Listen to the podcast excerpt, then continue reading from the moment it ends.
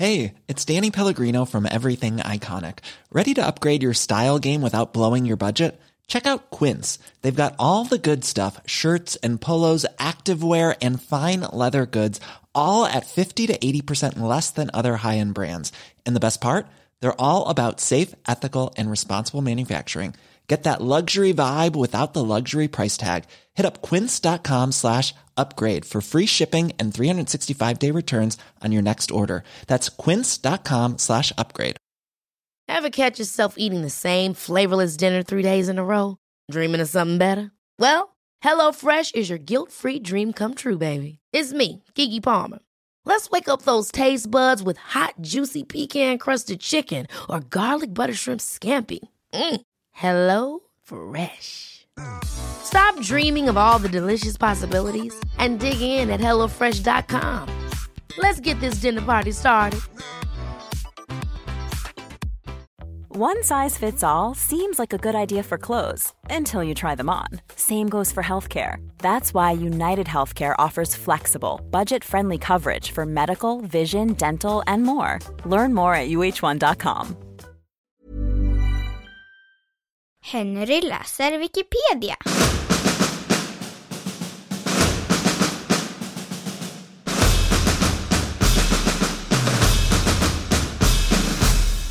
Marco Polo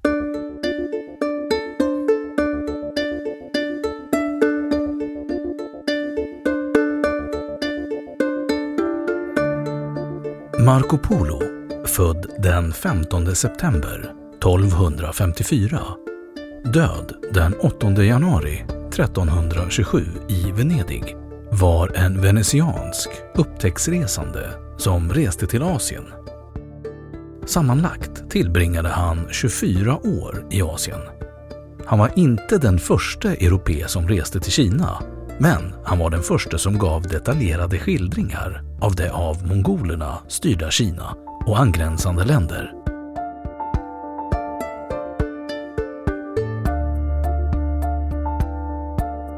Biografi Härkomst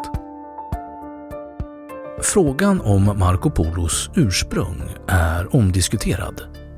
En vanlig uppfattning är att han föddes i Venedig.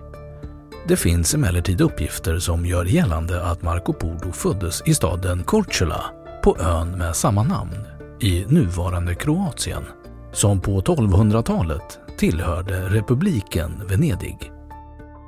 I Korčula kan man besöka det som sägs vara Marco Polos födelsehus och än idag finns familjemedlemmar av italiensk börd i staden som bär efternamnet Polo, ett mycket vanligt italienskt och venetianskt efternamn.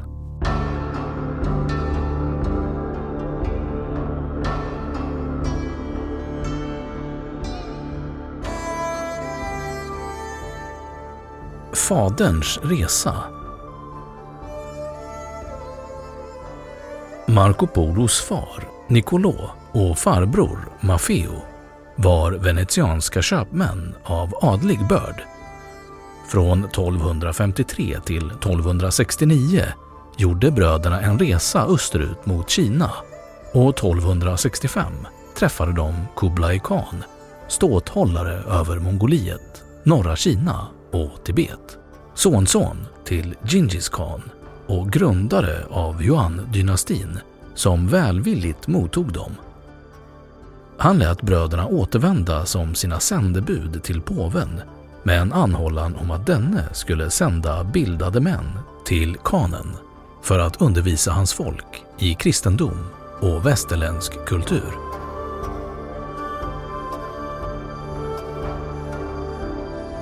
Marco Polos resa År 1269 återkom bröderna till Venedig och Marco Polo såg sin far för första gången. År 1271 startade fadern och hans bror nästa resa till Asien och Kina åtföljda av Marco Polo, då endast 17 år.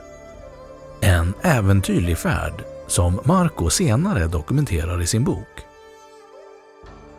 Till följd av att påvligt interregnum rådde, alltså tid mellan två påvar, avreste de utan representanter från påvestolen. När de hunnit till Kilikien kom två dominikanmunkar i dem, utsända av den nyvalde påven Gregorius den tionde. Dessa vände dock snart om. Från Ajas i Kilikien färdades de resande över Mardin, Mosul och Bagdad till Ormus vid Persiska viken. Därifrån norrut genom Persien, Kerman, Khorasan, Balch och Badakhshan uppför Oxus genom Vachan till Pamir, ett namn som förekommer först i Marco Polos bok. Först under 1800-talet skildras dessa trakter åter av europeiska resande. Från Pamirs högland färdades de ner till Kashgar och fortsatte förbi Yarkand till Shottan trakter som förblev nästan helt okända för Europa ända till 1860-talet. För Shottan kom de till trakten kring sjön Lob, som sedan återsågs först 1871 av den ryske forskningsresanden Nikolaj Przewalski. Därifrån färdades de genom Gobiöknen, eller Loböknen som Marco Polo kallar den, till Tangut, området i yttersta nordvästra Kina på ömse sidor om den stora muren. Till slut nådde de kanens sommarresident, Changdu, eller Sanadu, våren 1275.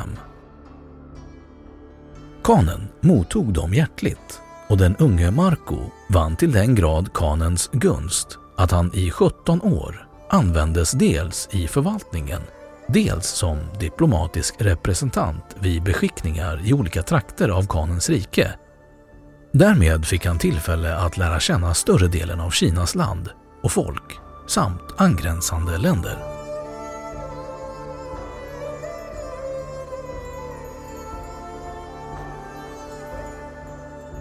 Hemresan under tiden samlade resenärerna rikedomar som de avsåg föra hem. Men kanen ville inte lyssna till förslag om hemresa. Resan blev slutligen av 1292 när Persiens khan Argun, en sonson till Kublais broder Hylegi, förlorade sin favoritgemål genom döden. Före sin död hade hon uttryckt sin önskan att hennes plats skulle tas av en mongolisk kvinna. Tre ambassadörer sändes till hovet i Kumbuluk för att be om en brud. Och för sin återresa önskade dessa att få använda sig av venetianernas erfarenheter och fick kanens tillåtelse att få dem som följeslagare.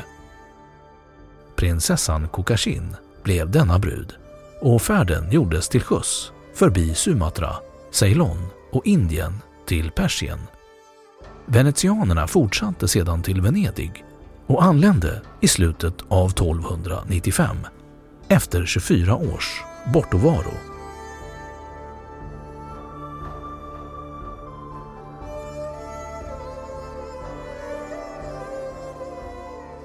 I fängelse i Genua och död.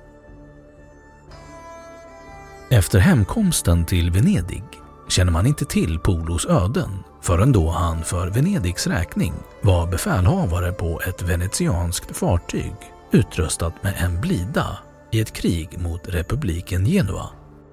Han var med stor sannolikhet tillfångatagen under en mindre strid 1296 och inte under slaget vid Korčula 1298 detta sista påstående beror på en senare tradition från 1600-talet som skrevs av Rusticello. Rusticello, som skrev riddarromaner även känd som Custiciano, var från Pisa. Han var medfånge under ett år och tecknade ner Marcos resor. Tidigare hade han berättat sina historier om Cathay, alltså Kina, för sina vänner med anledning av ett sifferuttryck som ofta förekom i historierna och som den tiden var obekant med kallades han Marco Milione, ett namn han även själv använde. Om Polos öden efter fångenskapen är inte mycket känt, även om man vet att han verkade som framgångsrik affärsman i hemstaden Venedig. Hans testamente, förvarat i San Marcos bibliotek i Venedig, är bevittnat den 9 januari 1324 och sannolikt dog han under året eftersom flera dokument anger att han i juni 1325 varit död någon tid.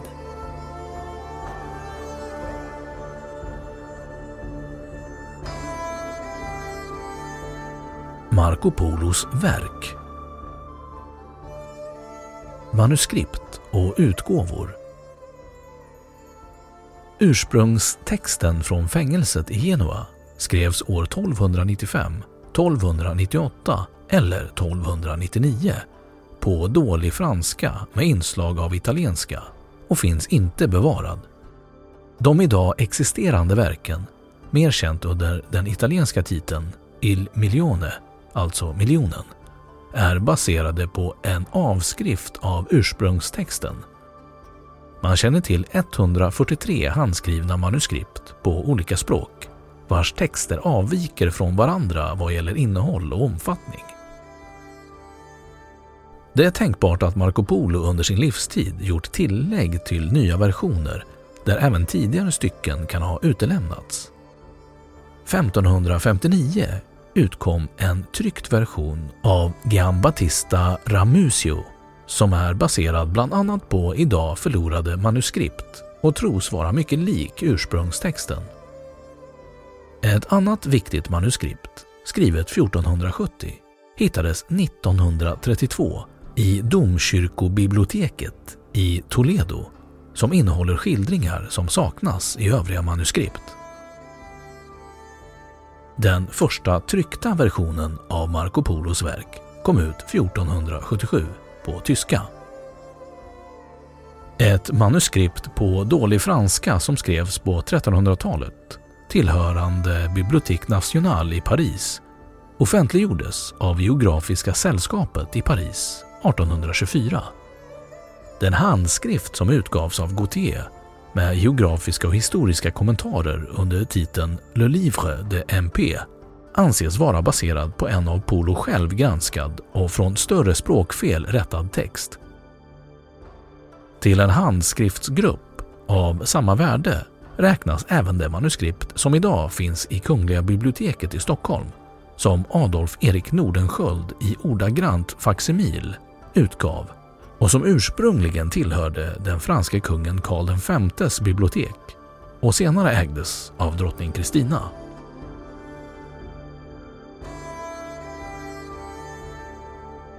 Betydelse Marco Polo var den första europé som skildrade Fjärran Östern. Han var den första under medeltiden som framförde säkra uppgifter om det kristna riket i Abessinien, alltså i Etiopien, och om den halvkristna ön Socotra och som, om en vagt, kunde berätta om Zanzibar och Madagaskar. Han beskrev Kinsai, alltså Hangzhou, södra Kinas präktiga huvudstad, på den tiden världens största stad med dess milslånga gator, oöverskådligt torg och stora mängd broar över dess kanaler. Han skildrade den rika kryddmarknaden i Saiton vid Fukiensundet, sannolikt nuvarande Changshu, och öriket Sipangu, där ädla metaller fanns i sådant överflöd att det kungliga palatset var täckt med guldplåt. Dessa berättelser lockade Columbus som förde ett latinskt exemplar av Marco Polos bok med sig. Marco Polos bok fick stor spridning under medeltiden men inte så stor som till exempel John de Mandevis påhittade reseskildringar som också de inspirerade Columbus. Den portugisiska jesuiten Bento de Gois inspirerades av Polos berättelse om ett kristet rike i öst och reste på tre år 650 mil genom Centralasien för att hitta riket. Han fann det aldrig, men avslutade sin resa vid kinesiska muren i Kina år 1605 och bevisade att Marco Polos Cathay var samma rike som det Matteo Ricci kallade Kina.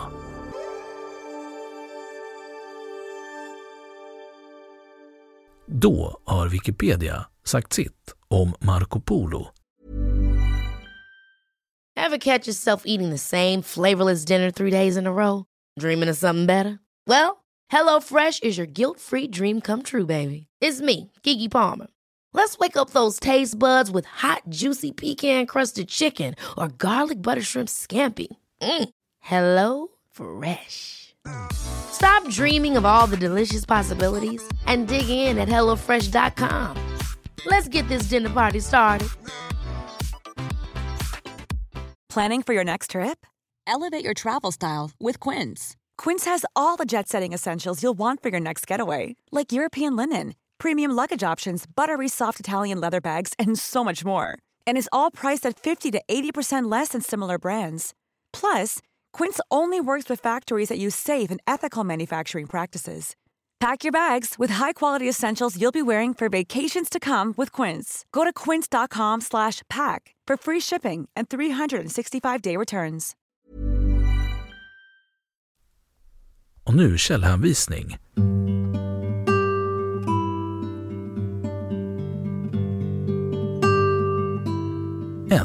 Marco Polo, arkiverad från originalet den 4 november 2005.